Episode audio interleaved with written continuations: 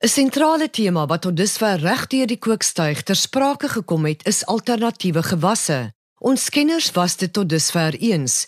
Boerderypraktyke sal in die lig van klimaatsverandering aangepas moet word en een maatreel om boere veerkragtig te hou, is die plant van alternatiewe gewasse. Ons praat nie hier net van boere en produsente se oorlewing nie, maar van voedselsekerheid en werkskepping vir almal in die land. Soos die Wes-Kaapse minister van ekonomiese geleenthede, Ellen Windy onlangs gesê het, die provinsie beleef uiters moeilike tye weens klimaatsverandering. Alternatiewe gewasse en innoverende praktyke in landbou sal die ekonomie egter deur hierdie uitdagings dra. Maar dis nie net die Wes-Kaap wat opnuut na sy landboupraktyke moet kyk nie. Soos die provinsie se hoofdirekteur Navorsing en Tegnologieontwikkeling van die Departement van Landbou, Dr Ilse Trautmann glo, moet die hele landbousektor meer klimaatslim word. Die program word tegnies versorg deur Lindsey Johnson. Ilse voor ons by die noodsaaklikheid van alternatiewe gewasse kom, verduidelik vir ons wat is dit? Lisma, ek wil graag ons luisteraars wegvoer van 'n 'n lekker blink appel of 'n lemoen of 'n tros druiwe na die meer nisprodukte wat ons alternatiewe gewasse noem. Die vy, die granaat, die persimmon, die lekker neute, die bessies en die rooibos tee om maar 'n paar te noem. Al hierdie heerlike goed. Maar hoekom is dit alternatiewe gewasse? Hoekom is dit nie gewasse wat oral en reg oor die spektrum verbou en geplant word nie? Ons verwys na hierdie kleiner gewasse wat ons ook nis gewasse noem wat in 'n baie spesifieke segment in die vrugtemandjie inpas nou as alternatiewe gewasse. Hulle word nie in massa geproduseer nie. Hulle word in bepaalde streke geproduseer En uh, ons het wel gesien dat met die onlangse sensus wat ons gedoen het in die departement dat uh, neute byvoorbeeld van 2013 tot 2017 met 76% gegroei het in terme van hektare in die Wes-Kaap en so ook bessies met 40%. Kan enige boer wat erg geraak word deur klimaatsverandering hierdie roete volg? Absoluut. Die die voorwaarde soos wat ons in die vorige programme ook gesê het is dat die boere moet baie bewus wees van hulle hulpbronne. Hoe lyk my grond, hoe lyk my water, hoe lyk my klimaat? En belangrik het ek 'n mark. Dit help tog nie jy gaan nou en en sit geld in 'n nuwe vertakking op jou plaas en jy het nie 'n mark nie. So is daar 'n plaaslike mark? Is daar 'n geleentheid om agri-prosesering op jou plaas te doen of is daar 'n geleentheid om selfs groter te gaan en 'n uitvoermark te betree?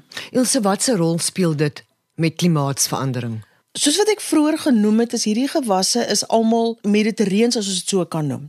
Dit beteken die olywe dit kom uit streke uit wat baie meer harder klimate het. Ons praat van ons Turksvye, baie meer harder klimaat.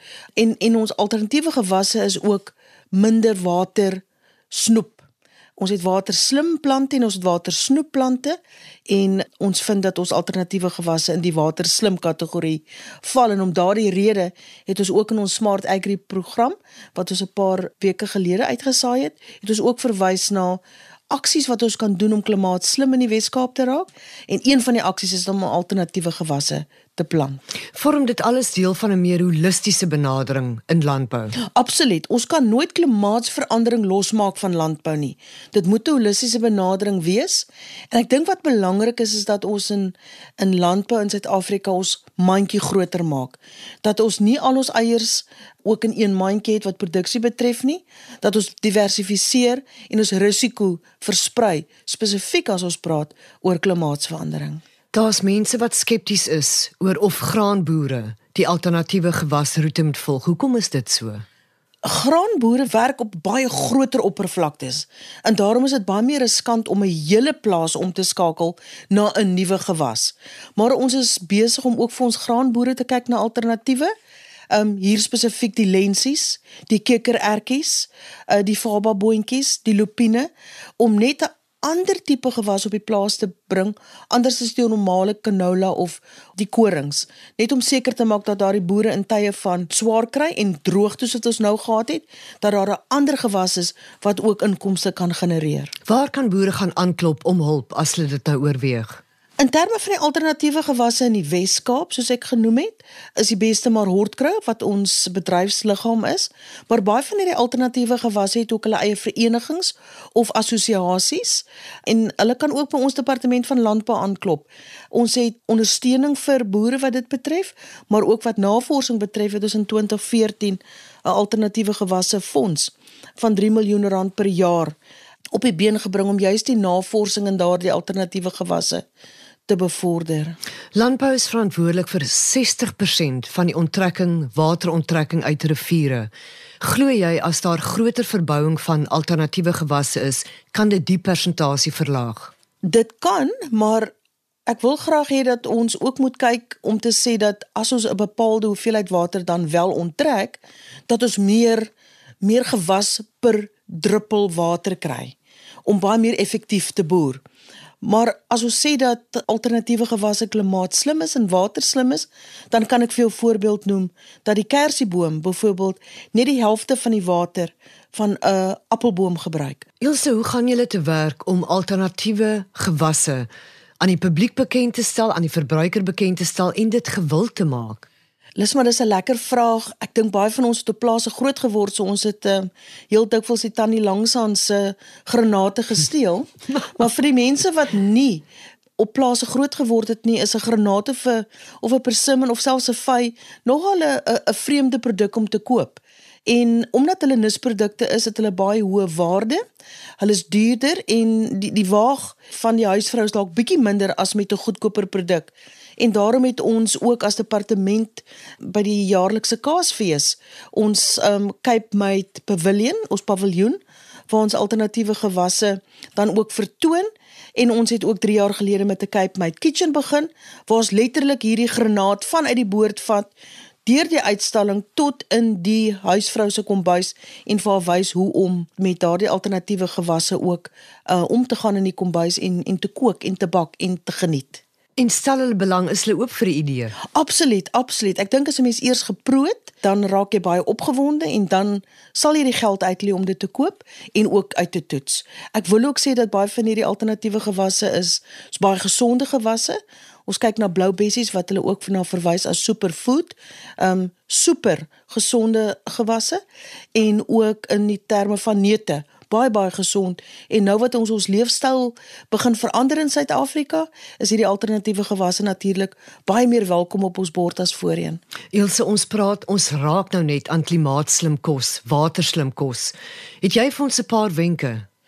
Ek dink uh, ons het met ons laaste um Cape Made Kitchen, die die afgelope 2018 kaasfees het ons 'n pragtige resepteboek uitgebring wat aan die een kant gefokus het op op kaas en suiwel en alternatiewe gewasse, maar het, omdat dit ook die droogte was, het ons ook waterslim geregte in daardie boek gehad. En um die luisteraars wat graag die die resepteboeke wil gaan aflaai is welkom om dit te gaan doen by www.elsenburg.com en onder resource library te gaan loer in Cape Made Kitchen en hulle die drie die drie resepteboeke. Waterslim is baie belangrik. Aan die een kant met watter produkte werk ek wat minder water gebruik het, maar aan die ander kant wat gebruik ek in my in my huis in terme van kos maak wat meer waterslim tegnieke is. So dis ook 'n holistiese benadering in terme van my watergebruik in my in my voorbereiding van kos. Ilse om jy af te sluit, hoe kan alternatiewe gewasse help met werkskepping in Suid-Afrika? Lisma werkskepping is vir ons baie belangrik. As ons kyk na die die nuutste syfers oor werkloosheid, is dit regtig iets om oor bekommerd te wees.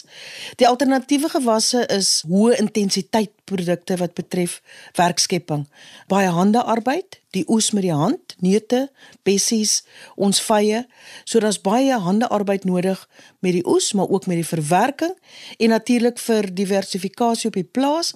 As ons praat van agri-prosesering, die maak van granaatsap of ander verwerking, die inmaak van olywe, het ons daar ook werkskepping. So dis eintlik 'n 'n dubbele manier om werk te skep op 'n plaas as 'n mens met alternatiewe gewasse boer. Dit was Dr. Ilse Trautman.